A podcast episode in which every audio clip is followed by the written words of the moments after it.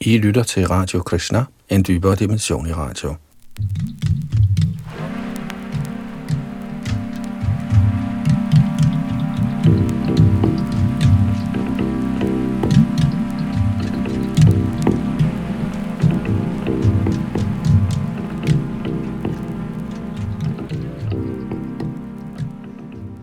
Skal til tredje del af vores gennemgang af Shri Chaitanya Charitamrita, skrevet for 500 år siden af Krishnadas Kaviraj Goswami, som var disciple af de seks Goswamier, der på deres side var disciple, i hvert fald for Rupa og Sanatans vedkommende, af Chaitanya Mahaprabhu selv, som var Krishnas seneste inkarnation her på jorden, der åbenbarede sig som sin egen tilhænger og sin egen hengivne, men som øh, i virkeligheden var Krishna selv i egen person, der kom for at smage hengivenheden til sig selv, så at sige, i stemningen af sin indre energi, Srimati Radharani.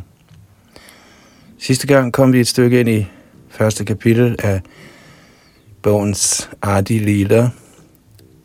Adi Lila henviser til Chaitanya Mahaprabhus tidligere aktiviteter i hans ungdom, Madhya Lila som de mellemliggende, og Andhya Lila som de afsluttende lege.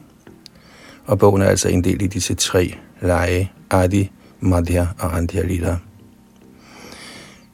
Sidste gang nåede vi frem til tekst 34, som er forfatterens gentagelse af det første vers, som øh, bogen starter med, som vi lige kan gentage. Vande Guruni Shabhaktani Shami Shabhatarakana Tat Prakashangshcha Tat Shakti Krishna Chaitanya Sangyakam.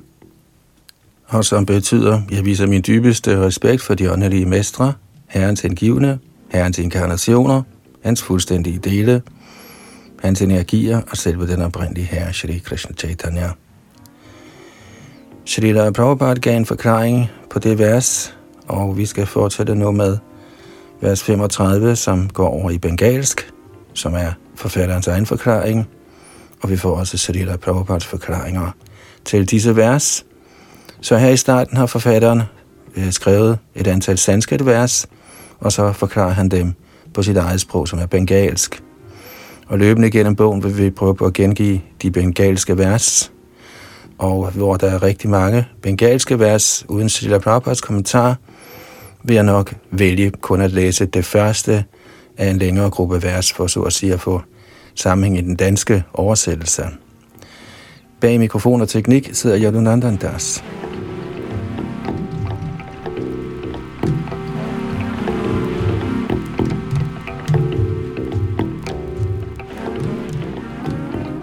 Shri Chaitanya Charitamrita, Adi Lila, første kapitel, tekst 35. Montro Guru Are Jotto Shiksha Guru Gona, Tanghara Chorona Age Korya Bondon. Først viste jeg min hyldest for fødderne af min indvigende åndelige mester og alle mine instruerende åndelige mestre. Srila Prabhupada kommenterer.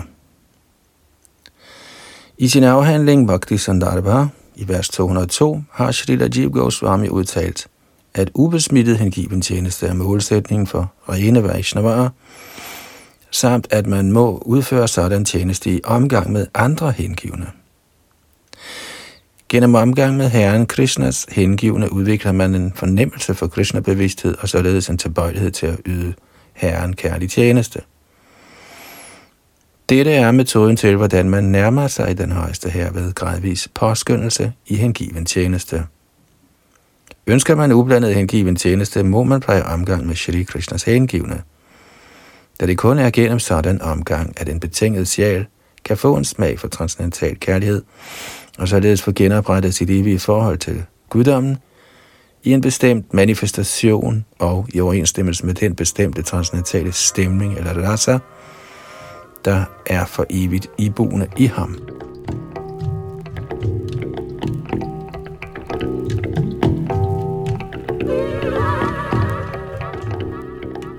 Hvis man udvikler kærlighed til Krishna gennem Krishna-bevidsthed, kan man kende den højeste absolute sandhed, men hvis man forsøger at forstå Gud blot gennem logiske argumenter, vil man ikke lykkes, og heller får man nogen smag for ublandet helligelse.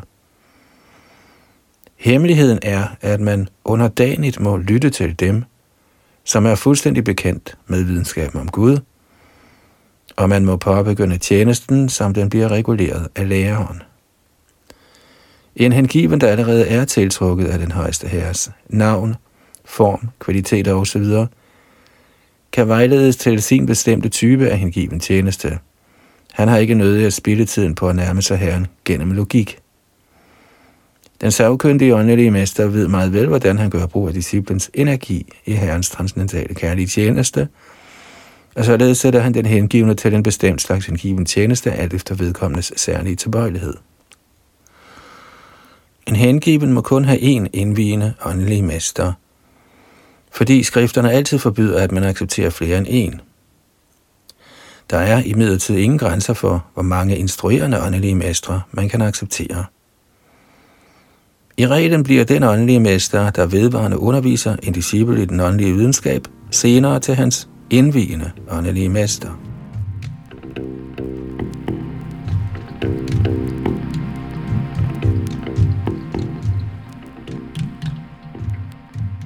Man må hele tiden huske på, at den, som er modstræbende over for at acceptere en åndelig mester og blive indvidet, helt sikkert må skuffes i sit forsøg på at vende hjem til Gud. Den, som ikke er behørigt indvidet, kan nok fremstille sig selv som en stor hengiven, men i realiteten støder han på mange hindringer på sin vej hen imod åndelig realisering, med det resultat, at han må fortsætte sin periode af materiel tilværelse uden lettelse.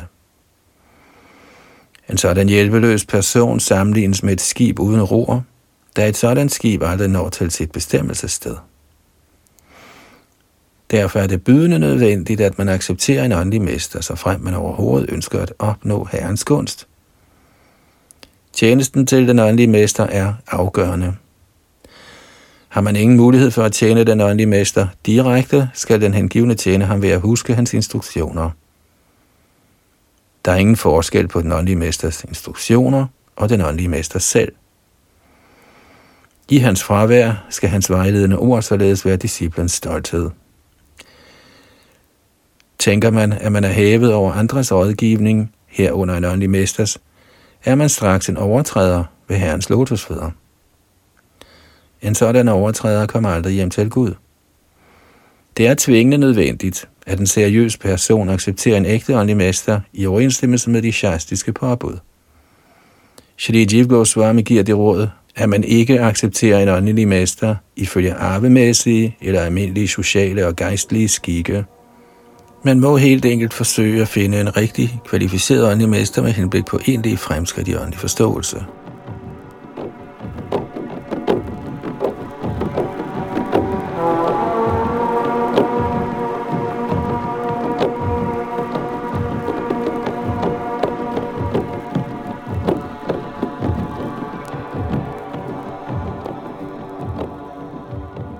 Chaitanya Charitamrita, Adi Lila, første kapitel, de åndelige mestre, vers 36. Shri Rup Shonatan Bhatta Raghunath, Shri Jiv Gopala Bhatta Das Raghunath. Mine instruerende åndelige mestre er Shri Rup Goswami, Shri Sanatan Goswami, Shri Bhatta Raghunath, Shri Jiv Goswami, Shri Gopal Bhatta Goswami og Shri Raghunath. Das Goswami. Vers 37. E choy guru shiksha guru ji amar. Dang shobara pada padame koti namaskar. Disse seks er mine instruerende åndelige mestre, og derfor bøjer jeg mig dybt for deres lotusfødder i millioner af gange. Srila Prabhupada kommenterer kort – ved at acceptere de seks Goswamier som sine undervisende åndelige mestre, gør forfatteren det klart, at man ikke kan anerkende som Gaudiya Vaishnav, hvis ikke man er lydig mod dem.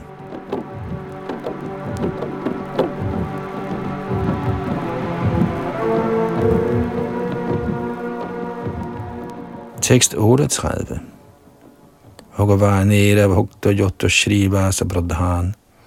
Tang Shobhara Pado Podame Sahasra Pranam. Herren har utallige hengivne, af hvem Shrivas Thakur er den førende. Jeg bøjer mig ned for deres lotusfødder i tusinder af gange. vers 39 til 42. Advaita Acharya Prabhura Angishobotar Tangrapada Padame Koti Pranati Amar. Advaita Acharya er herrens delvis inkarnation, og derfor bøjer jeg mig ned i ved hans lotusfødder i millioner af gange. Shri Nityananda Rama er herrens fuldstændige manifestation, og jeg er blevet indvidet af ham. Derfor bøjer jeg mig ned i erbødig respekt for hans lotusfødder. Jeg bøjer mig i dybe erbødighed for herrens indre energier, af hvem Shri Godadhar Prabhu er den forreste. Herren Shri Krishna Chaitanya Mahaprabhu er selve guddommens højeste person, derfor kaster jeg mig utallige gange i støvet ved hans lotusfødder.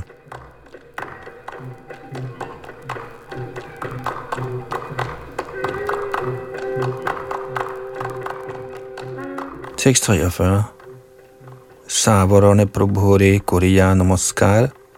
E Choiteng Hoyoiche Korea Vichar. Efter nu at have vist min erbødighed for Herren og hans fælder, vil jeg forsøge at forklare disse seks mangfoldigheder i en. Kommentar Guddommens højeste person har mange ublandede hengivne, alle af hvilke anses for omgangsfælder, der omgiver Herren. Krishna skal tilbedes sammen med sine hengivne. De mangeartede principper er derfor det evige udstyr, hvor igennem man kan nærme sig den absolute sandhed.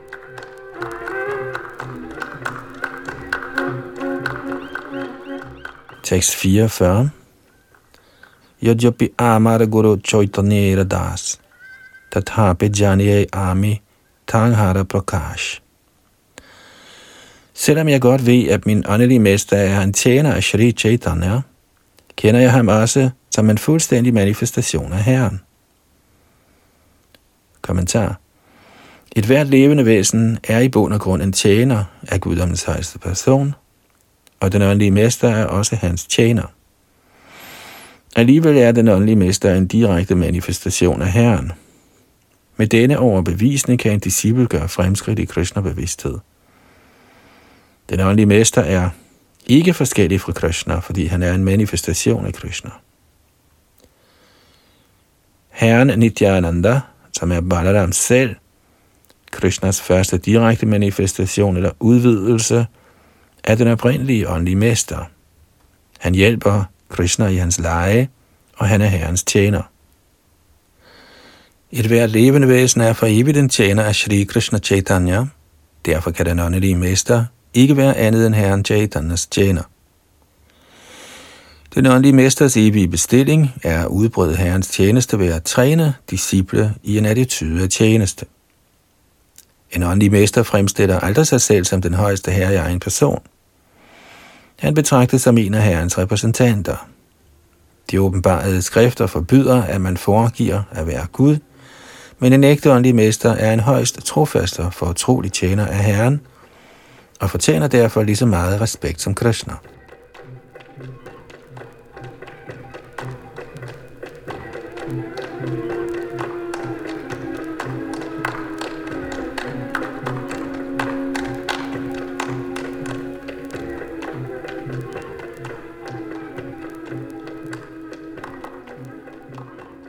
Vers 45. Guru Krishna Rup Hono Shastriran Pramani Guru Rupe Krishna Kripa Korena Bhakta Gone. Ifølge alle åbenbarede skrifters velovervejede mening, er den åndelige mester ikke forskellig fra Krishna. I skikkelse af den åndelige mester befrier Herren Krishna sine hengivne. Kommentar det forhold, en disciple har til sin åndelige mester, er på niveau med hans forhold til den højeste herre. En åndelig mester fremstiller altid sig selv som guddommens persons ydmygeste tjener, men disciplen må se ham som guddommens manifesterede repræsentation.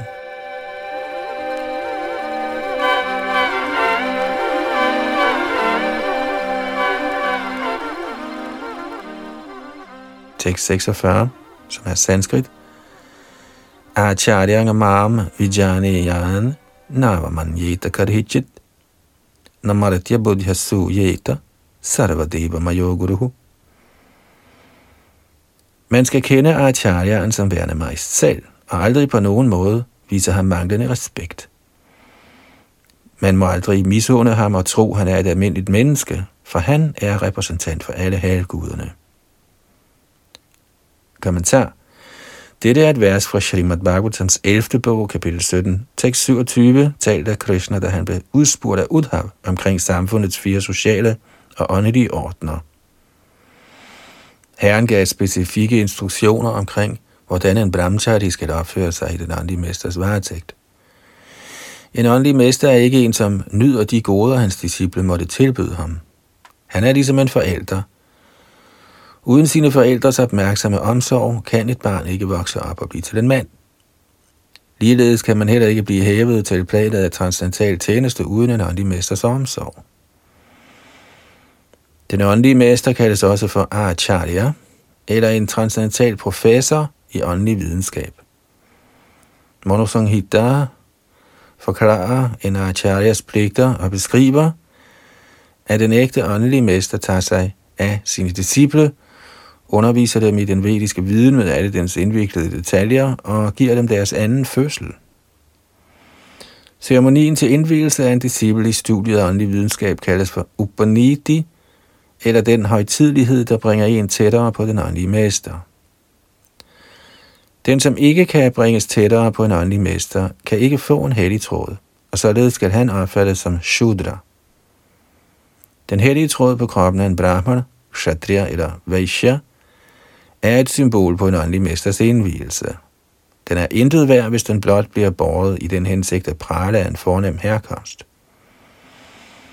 Den åndelige mester har pligt til at indvige en disciple med ceremonien af den hellige tråd, og efter denne sanskart eller renselsesproces, begynder den åndelige mester gradvist at undervise disciplen i vedderne.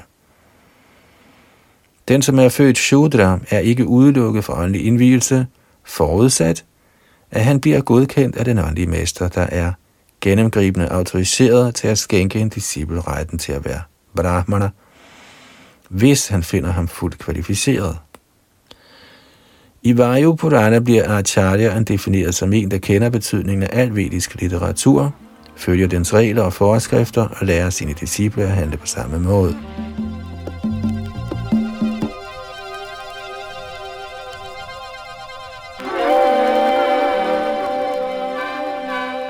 Alene ved sin umådelige medlidenhed lader guddommens person sig åbenbare som den åndelige mester. Derfor er der i en acharyas virke ingen andre aktiviteter end dem af transcendental tjeneste til Herren. Han er guddommens højeste tjenerperson. Det betaler sig at søge ly af en sådan standhaftig hengiven, der kaldes for Ashraya Vigraha, eller den manifestation eller form af Herren, hvis ly man må søge. Hvis man giver sig ud for at være acharya, men ikke har en holdning af tjenerskab over for Herren, må man betragtes som en forbryder, og denne forbryderiske holdning diskvalificerer en fra at være acharya. Den ægte åndelige mester er altid optaget af ublandet hengiven tjeneste til guddommens højeste person. Med denne test kendes han som en af herrens direkte manifestationer og en uforfalsket repræsentant for Shri Nityananda Prabhu. En sådan åndelig mester kendes som Acharya Dev. Påvirket af et misundeligt temperament og utilfreds på grund af en holdning af sansenydelse, kritiserer værtslige folk en ægte Acharya. Men i virkeligheden er en ægte acharya ikke forskellig fra guddommens højeste person. Så hvis man misunder en sådan acharya, misunder man guddommens højeste person selv.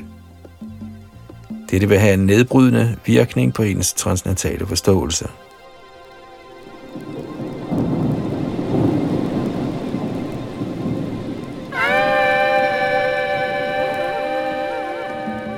Som før nævnt skal en disciple altid respektere den åndelige mester som en manifestation af Shri Krishna, men samtidig må man hele tiden huske på, at den åndelige mester aldrig har autorisation til at efterligne herrens transcendentale leje.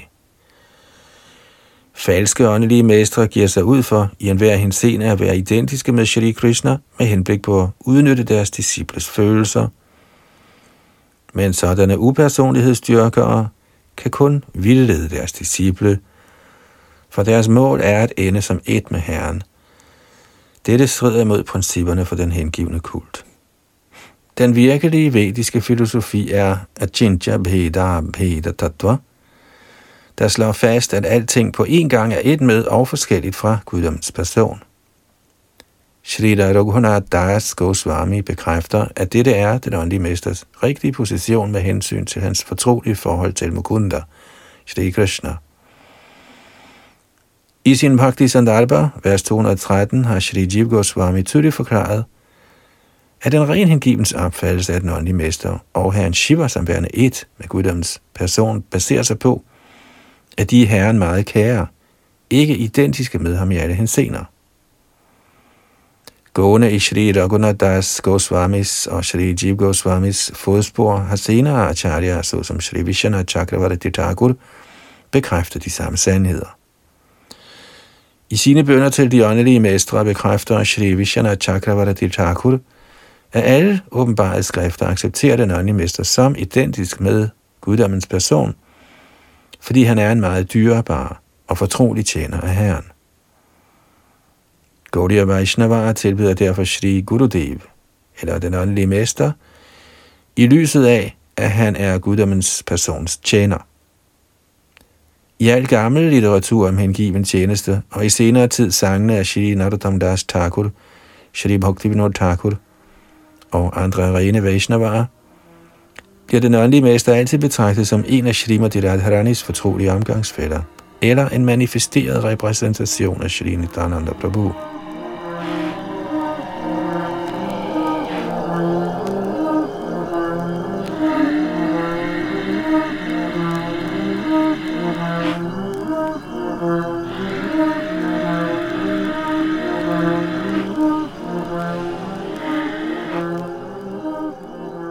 Tekst 47, som er bengalsk.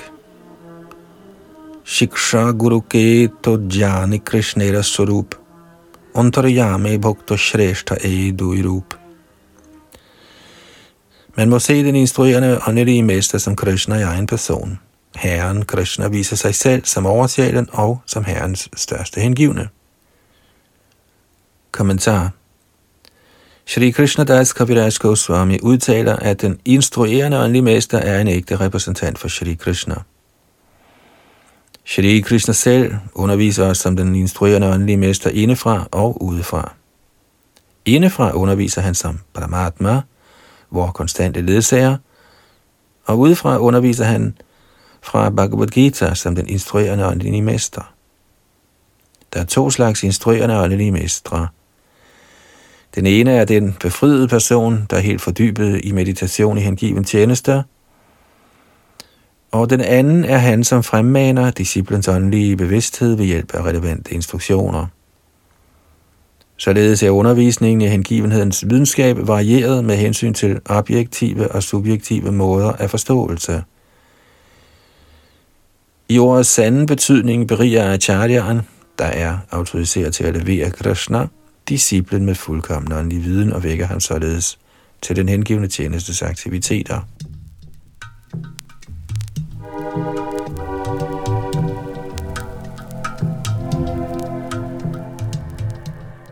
Når man, ved at lære af den selvrealiserede åndelige mester, faktisk indlader sig på tjeneste til Herren Vishnu, begynder funktionel hengiven tjeneste. Fremgangsmåden i denne slags hengiven tjeneste kaldes for abidheya, eller handlinger, man har pligt til at gøre. Hvor det eneste ly er den højeste herre, og den, som lærer os, hvordan vi nærmer os Krishna, er guddommens persons funktionelle form. Der er ingen forskel på den lygivende højeste herre og de indvigende og instruerende åndelige mestre. Gør man på tåbelig vis forskel på dem, begår man en fortælelse i udførelsen af hengiven tjeneste. Shrila Sanatan Goswami er den ideelle åndelige mester, fordi han giver en ly af Madan Mohans lotusfødder. Selvom man måske ikke har mulighed for at berejse på den Davans område, fordi man har glemt sit forhold til guddommens højeste person – kan man få god lejlighed til at opholde sig i Vrindavan og høste al åndelig fordel ved Sanatan Goswamis barmhjertighed. Shri Govindaji handler nøjagtigt ligesom Shiksha-guruen, den instruerende åndelig mester, ved at lære Arjun Bhagavad Gita. Han er den oprindelige lærer, fordi han giver os instruktioner og mulighed for at tjene ham. Den indvigende åndelige mester er en personlig manifestation af Shri Madan Mohan Vigraha, hvorimod den instruerende åndelige mester er en personlig repræsentation af Shri Govinda Dev Vigraha. Begge disse guddomme bliver tilbedt i Vrindavan. Shri Gopinath er den endelige tillokkelse i åndelig realisering.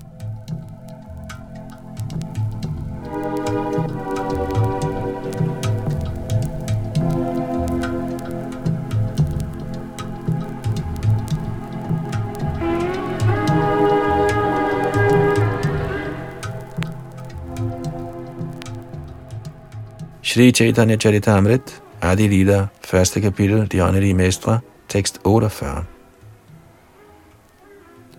Naivo payantya pachitim kavayastavesha brahma yusha pikritam radha mudda smarantaha Yovantar bahistanu bratham ashubham vidhunvan acharya chaitya vapusha svagating byanakti. O min herre, Transcendentale poeter og specialister i åndelig videnskab vil aldrig til fulde kunne udtrykke, hvor meget de står i gæld til dig, skulle de sågar beriges med Brahmas lange levetid. Fordi du viser dig i to aspekter, udvendigt som Acharya'en og indvendigt som overtaleren, for at frelse det læmeliggjorte levende væsen ved at vise ham vejen til dig. Og en kort kommentar – dette vers fra Srimad Bhagavatams 11. bog, kapitel 29, tekst 6, betalte Shri Udhav efter at Shri Krishna havde givet ham alle nødvendige instruktioner om yoga.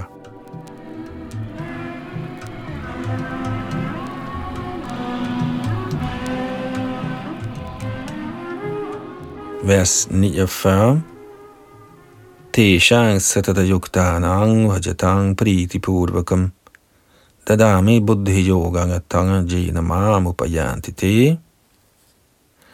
Til dem, som er vedvarende videt til at tjene mig med kærlighed, giver jeg den forståelse, hvormed de kan komme til mig. Kommentar. Dette vers fra Bhagavad Gita's 10. kapitel udtaler klart, hvordan Govinda Dev underviser sin ægte hengivne. Herren bekendtgør, at han gennem oplysning med teistisk viden giver kærlighed til sig selv, til dem, der hele tiden gør kærlig tjeneste for ham. Denne opvågnen af guddommelig bevidsthed betager den hengivne, der således nyder sit evige transnatale lune. En sådan opvågnen skænkes udelukkende til dem, som i kraft af hengiven tjeneste er overbevist om guddommens persons natur. De ved godt, at den højeste sandhed – den helt igennem åndelige og almægtige person er en uden lige og har fuldt transcendentale sanser. Han er ophavet til alle udstrålinger. Så den er rene hengivende, der altid svømmer i viden om Krishna, og som er opslugt af Krishna-bevidsthed, udveksler tanker og erkendelser, ligesom forskere deler deres anskuelser med hinanden og diskuterer resultaterne af deres forskning i videnskabelige akademier.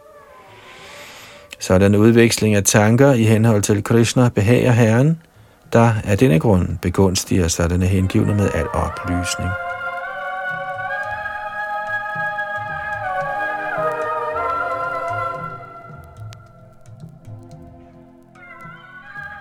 Chaitanya Charitamrit, Adi Lila, første kapitel, De åndelige mestre, vers 50. Yotha Brahmani Bhagavan, Swayamupadishyano Guddommens højeste person, Svayam Bhagavan, underviste Brahma og fik ham selv realiseret. Kommentar. Den grundsætning, at Gud hjælper den, som hjælper sig selv, er også anvendelig på den transcendentale verden. Man finder mange tilfælde i de åbenbarede skrifter, hvor guddommens person handler som åndelig mester indefra – Buddhams person var den åndelige mester, der underviste Brahma, det oprindelige levende væsen i den kosmiske skabelse. Lige da Brahma blev skabt, kunne han ikke anvende sin skabende energi til at opstille den kosmiske situation. Til at begynde med var der kun lyd, der ytrede ordet dabba, hvilket henviser til accepten af lidelse med henblik på åndelig indsigt. Ved at afstå fra sansenydelse skal man frivilligt acceptere alskens vanskeligheder med henblik på åndelig indsigt. Det kaldes for tapasya. En sansenyder kan aldrig realisere Gud, gudelighed eller den teistiske videnskab. Så da Brahma, i det han blev indvidet af Shri Krishna med lyden tapa, indlod sig på askesens handlinger, var han ved Vishnus glæde i stand til at se den transcendentale verden, Shri Vaikuntha, gennem transcendental realisering. Den moderne videnskab kan kommunikere med hjælp af materielle opdagelser, såsom radio, television og computer. Men den videnskab, der blev påkaldt, er den selvtog, der blev udført af Shri Brahma, menneskehedens oprindelige far, var end mere subtil. Med tiden kan de materielle forskere muligvis også finde ud af, hvordan vi kan kommunikere med Vaikuntha-verdenen. Herren Brahma stillede spørgsmål om den højeste herres kraft, og guddommens person besvarede hans spørgsmål i de følgende seks udtalelser. Denne undervisning, der er reproduceret fra Srimad Bhagavatams anden bogs 9. kapitel, teksterne 31-36, blev givet af guddommens person, der handlede som den højeste åndelige mester.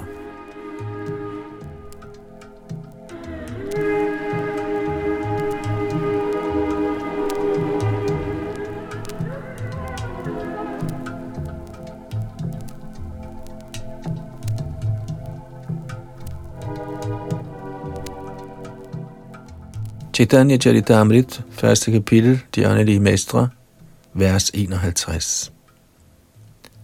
Yanang paramaguhyangame yad vijnana samanvitam sarahasyang tarangang cha grahana gaditang maya. Lyt venligst opmærksom til det, jeg vil fortælle dig. For transcendental viden om mig er ikke alene videnskabelig, men også fuld af mysterier. Kommentar. Transcendental viden om Shri Krishna er dybere end upersonlig viden om Brahman, da den ikke alene indeholder viden om hans form og personlighed, men også alt andet i relation til ham. Intet i tilværelsen er uden forhold til Shri Krishna. I en forstand er der intet ud over Shri Krishna, og alligevel er ingenting Shri Krishna, med undtagelse af hans oprindelige person. Denne viden udgør en komplet transcendental videnskab, og Vishnu ønskede at give Brahmaji fuld oplysning i denne videnskab. Mysteriet omkring denne viden kulminerer i personlig hengivenhed for Herren med det resultat, at man bliver fri for bånd til noget som helst, ikke Krishna. Der er ni alternative metoder til opnåelse af dette niveau. At lytte, at lovprise, i hukomme, tjene Herrens lotusfødder, at tilbede, at bede bønder, yde bistand, knytte venskab med Herren og at ofre alting for ham. Disse er forskellige dele af samme hengivende tjeneste, der er fuld af transcendental mystik. Herren fortalte Brahma, at fordi Herren var behaget med ham, blev mysteriet ved hans nåde åbenbaret.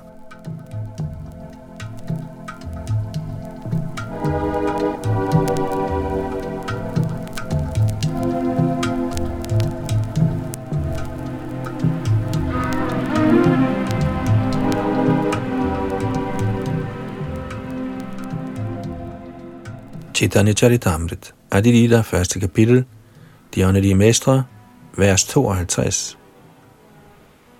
Yavana hang yatha bhavo yadrupa gunakaramakaha tathaiva tattva vijnanam astute madanugrahat. Bliv ved min årsagsløse nåde i sandhed oplyst om min person, mine manifestationer, kvaliteter og lege. Kommentar Herrens transcendentale former er et mysterium, og symptomerne på disse former, der er absolut forskellige fra noget, der er lavet af værtslige elementer, er også gådefulde.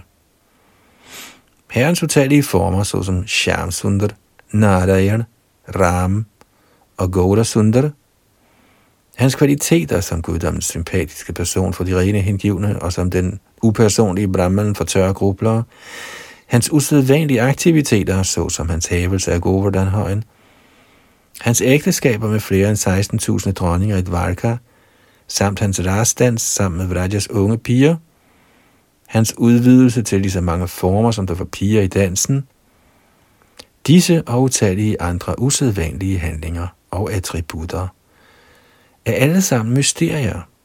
Et aspekt af hvilket bliver præsenteret i Bhagavad Gita's videnskabelige viden, der læses og beundres verden over af alle klasser af lærte med lige så mange fortolkninger, som der er af empiriske filosofer. Sandheden om disse mysterier blev åbenbaret for Brahma ved den nedadgående metode, uden hjælp fra den opadgående metode. Herrens nåde nedstiger til den hengiven som Brahma, og gennem Brahma til Narad, fra Narad til Vyas, fra Vyasdev til Shukadev, og så fremdeles i disciplerækkens certificerede kæde. Vi kan ikke afdække mysterierne om Herren med vores værslige anstrengelser. De bliver kun åbenbaret ved hans nåde for behørige hengivne. Disse mysterier bliver gradvist åbenbaret for de forskellige grader af hengivne i proportion til den gradvise udvikling af deres tjenende holdning. Med andre ord kan upersonlighedsstyrkerne, der forlader sig på styrken af deres mangelfulde beholdning af viden og sygelige spekulative uvaner, uden underdanighed og tjeneste i skikkelse af at høre lovprise og de øvrige ovenomtalte metoder, ikke trænge ind i transcendensens gådefulde egen, hvor den absolute sandhed er en transcendental person, fri for et hvert anstrøg af de materielle elementer, at opdage mysteriet om Herren ophæver det upersonlige aspekt, der realiseres af middelmådige spiritualister, der kun forsøger at trænge ind på det åndelige område fra det værtslige plan.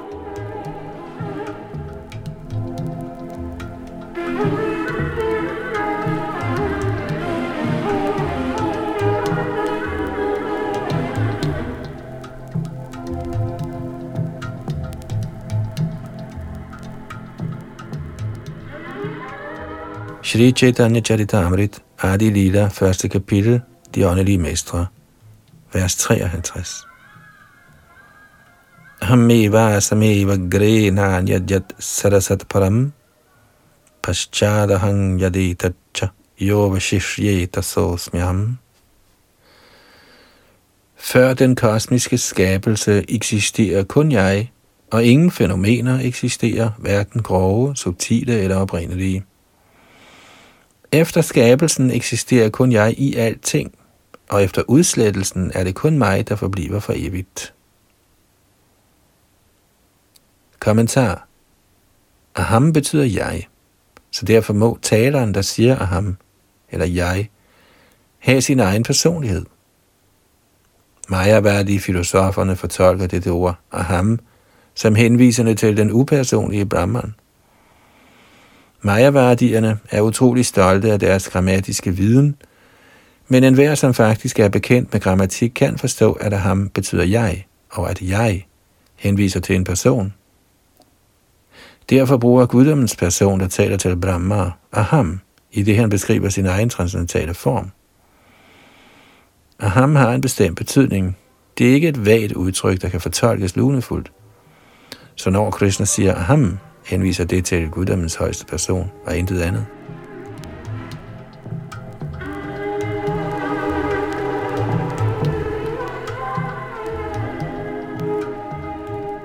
Før skabelsen og efter dens opløsning er det kun guddommens højeste person og hans omgangsfælder, der er til. Ingen af de materielle elementer er til. Dette bliver bekræftet i den vediske litteratur.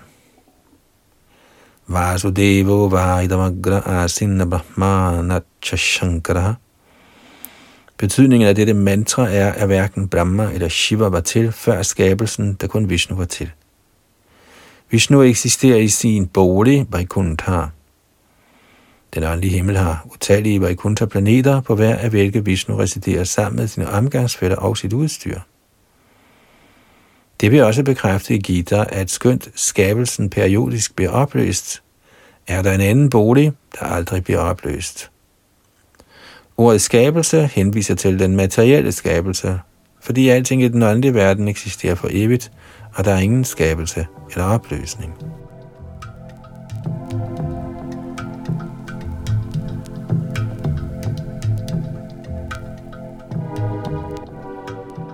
Herren antyder her, at han før den materielle skabelse var til i sin fuldkommenhed sammen med alle transnatale overdådigheder. Herunder al styrke, al velstand, al skønhed, al viden, al berømmelse og al forsagelse. Hvis man forestiller sig en konge, tænker man automatisk på hans sekretærer, ministre, herrefører, paladser osv. Når en konge besidder sådanne rigdomme, kan man næppe forestille sig de overdådigheder, der knytter sig til guddommens højeste person. Så når Herren siger ham, må det forstås, at han eksisterer med fuld energi, herunder al rigdom. Ordet Yat henviser til Brahman, herrens upersonlige stråleglans. I Brahma Samhita 5.40 står der, Tada Brahman Nishkaramanantam Sheshabhutam. Brahmans stråler breder sig i det uendelige. Ligesom solen er en lokal planet med solskinnet bredende sig uendeligt fra den kilde, er ligeledes den absolute sandhed, guddommens højeste person, sammen med sin energiske udstråling Brahman, der breder sig uendeligt. Fra denne Brahman-energi kommer skabelsen, ligesom en sky opstår i solskin. Fra skyen kommer der regn. Af regnen vokser planter op, og planterne frembringer frugter og blomster, der understøtter mange andre livsformer. Ligeledes er den højeste herres lægemsglans årsag til skabelsen af utallige universer. Brahmans udstråling er upersonlig, men årsagen til den energi er guddommens højeste person. Fra ham i hans bolig Vaikuntha udstråler denne Brahman Jyoti. Han er aldrig upersonlig. Siden upersonlighedsdyrkerne ikke kan forstå kilden til Brahman-energien, vælger de fejlagtigt at tro, at den upersonlige Brahman er det endelige eller absolute mål. Men ligesom Upanishaderne udtaler, må man gennemtrænge den upersonlige stråleglans for at kunne se den højeste herre ansigt til ansigt. Hvis man gerne vil nå til kilden af solskinnet, må man rejse igennem solskinnet for at nå frem til solen og herefter mødes med dens herskende guddom. Den absolute sandhed er den højeste person, Bhagavan, ligesom Srimad Bhagavatam forklarer.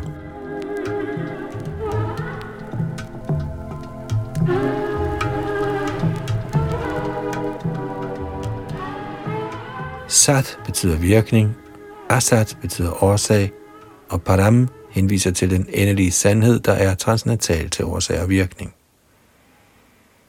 Årsagen til skabelsen kaldes for Mahatattva, eller den totale materielle energi, og dens virkning er selve skabelsen. Men hverken årsag eller virkning eksisterede i begyndelsen. De udstrålede fra guddommens højeste person, ligesom også tidens energi. Dette bliver udtalt i Vedanta Sutra, Janmadhyasya Kilden til fødsel for den kosmiske manifestation, eller Mahatattva, er guddommens person. Dette bliver gennemgribende bekræftet i Bhagavatam og Bhagavad Gita. I Bhagavad Gita's 10. kapitel tekst 8 siger herren Ahang Sarvasya Prabhava, jeg er kilden til alle udstrålinger. Det midlertidige materielle kosmos er samtidig manifesteret og samtidig ikke manifesteret, men det energi udstråler fra den højeste absolut her. Før skabelsen var der hverken årsag eller virkning, men guddommens højeste person eksisterede med sin fulde overdådighed og energi.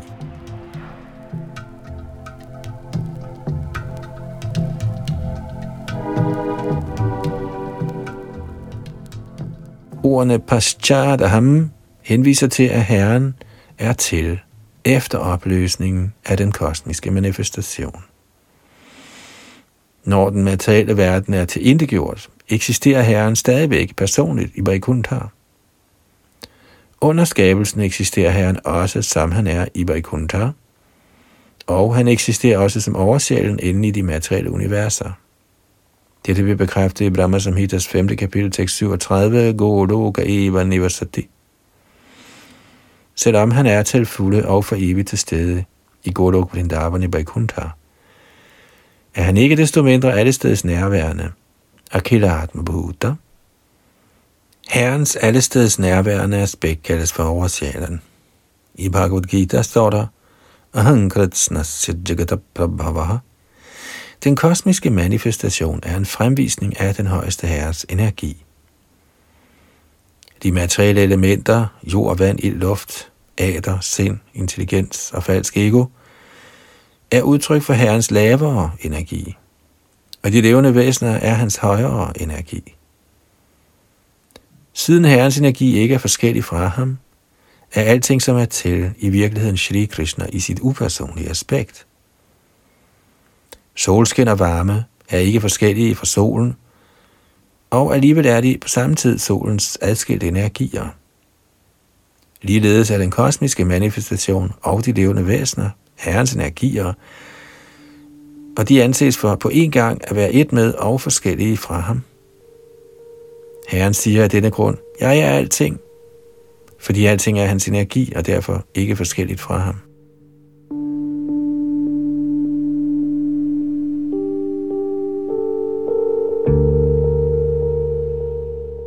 Yovashishye ham henviser til, at Herren er den substans, der bliver tilbage efter skabelsens opløsning. Den åndelige manifestation forsvinder aldrig. Den tilhører den højeste herres indre energi og eksisterer for evigt. Når den ydre manifestation bliver trukket tilbage, varer Golokas evige aktiviteter ved til lige med resten af Vaikuntha, uindskrænket af den materielle tid, der ikke har nogen eksistens i den åndelige verden. Derfor udtaler Bhagavad Gita, Yadgatvana Nivaratante Tadhama Paramangmama. Den verden, hvorfra ingen vender tilbage til denne materielle verden, er Herrens højeste bolig.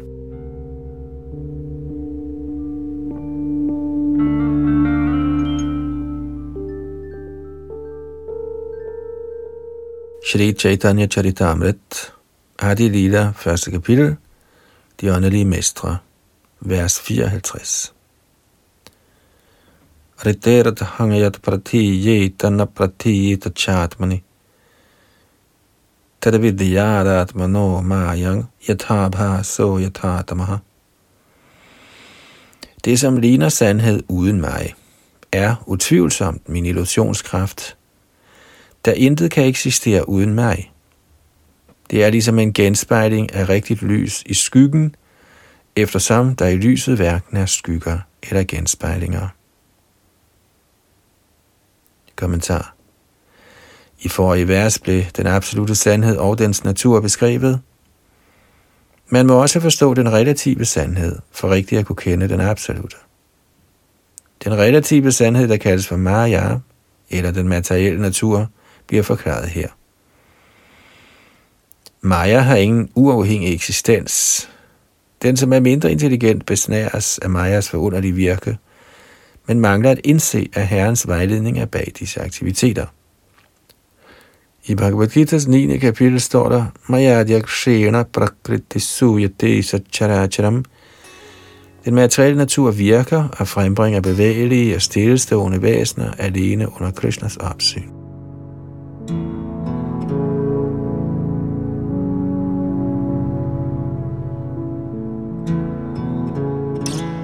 Den virkelige natur er Maya, eller den materielle manifestations illusoriske eksistens, bliver tydeligt forklaret i Srimad Bhagavatam.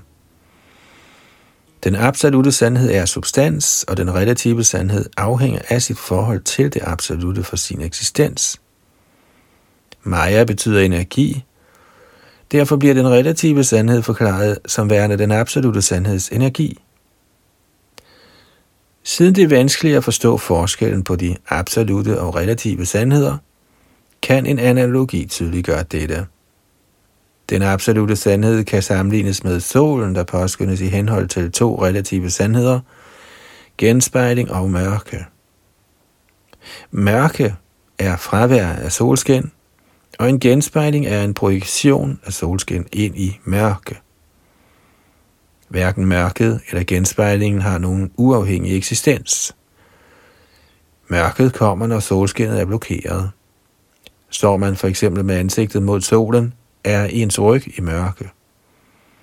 Da mørket opstår i solens fravær, er det af denne grund relativt til solen. Den åndelige verden sammenlignes med det rigtige solskin, og den materielle verden sammenlignes med de mørke områder, hvor solen ikke kan ses.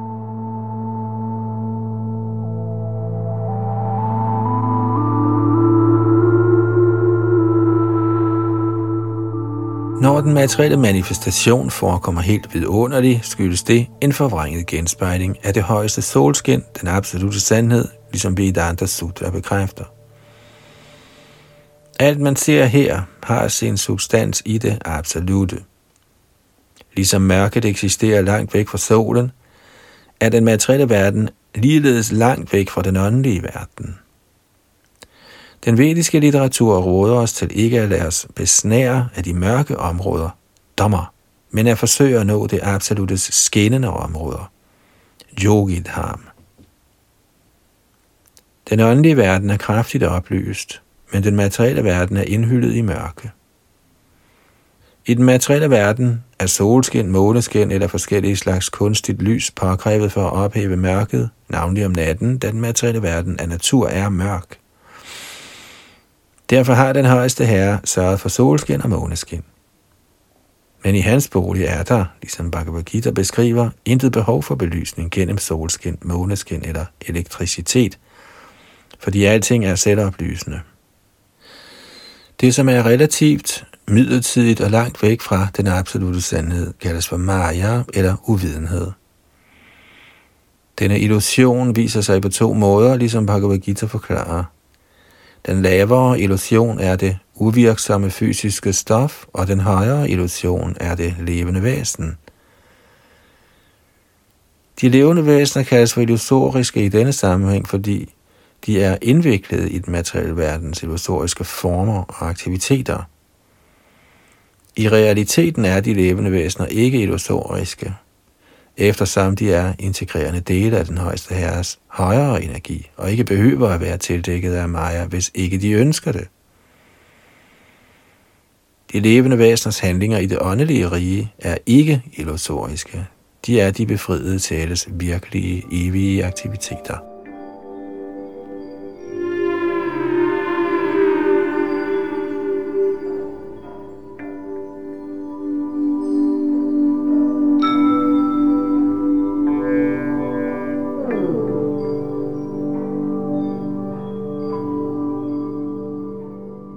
Shri Chaitanya Charitamrita.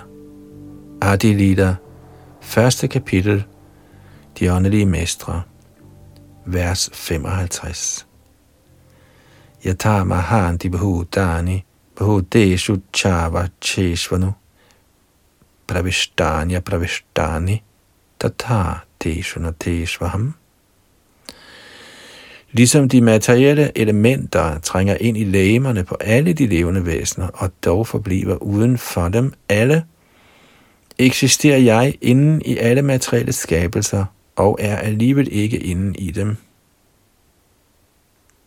Kommentar de grove materielle elementer, jord, vand, i luft og æder, kombinerer sig med de subtile materielle elementer, sind, intelligens og falsk ego – for at kunne bygge kroppene i den materielle verden, og alligevel er de på samme tid hinsides disse kroppe.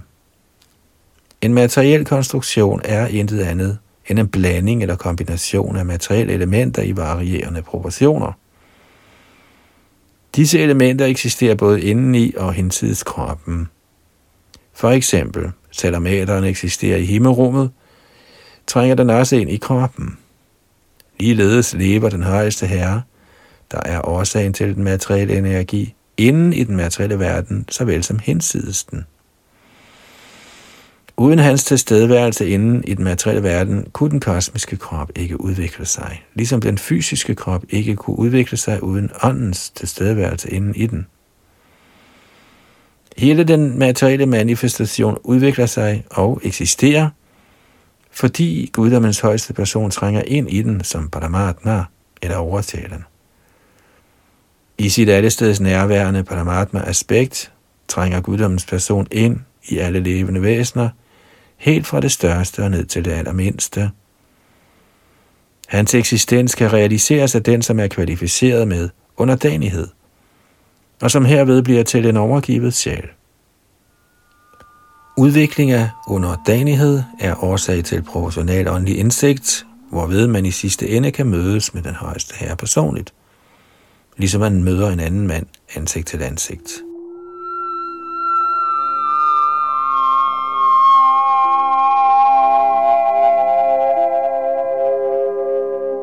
På grund af denne udvikling af transcendental hengivenhed for den højeste herre, føler en overgivet sjæl sin elskedes tilstedeværelse overalt – og alle hans sanser gør kærlig tjeneste for Herren.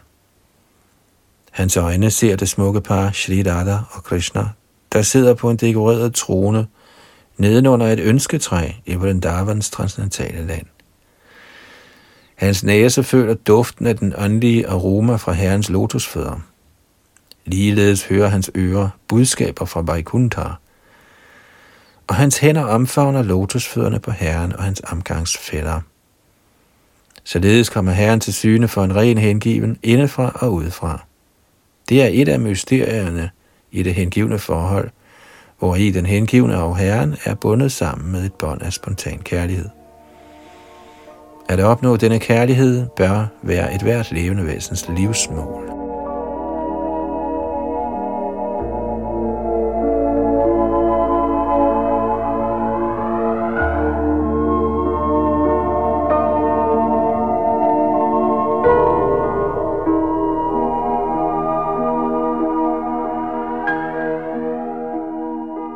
Så nåede frem til med tekst 55 her i Chaitanya Charitamritas Adilidas første kapitel, som hedder De åndelige mestre. Chaitanya Charitamrit, beskriver af Shri Krishna Das Kaviraj Goswami i middelalderen. Han var direkte disciple af Nityananda Prabhu og en øh, fortrolig ven af de seks Goswamier, der bad ham om at skrive denne bog. Vi fortsætter fra tekst 56 i næste ombæring. Og det her det er altså så Shalita Prabhupads oversættelse og kommentar til denne bog. Og bag mikrofon og teknik sad Yalunandan Das.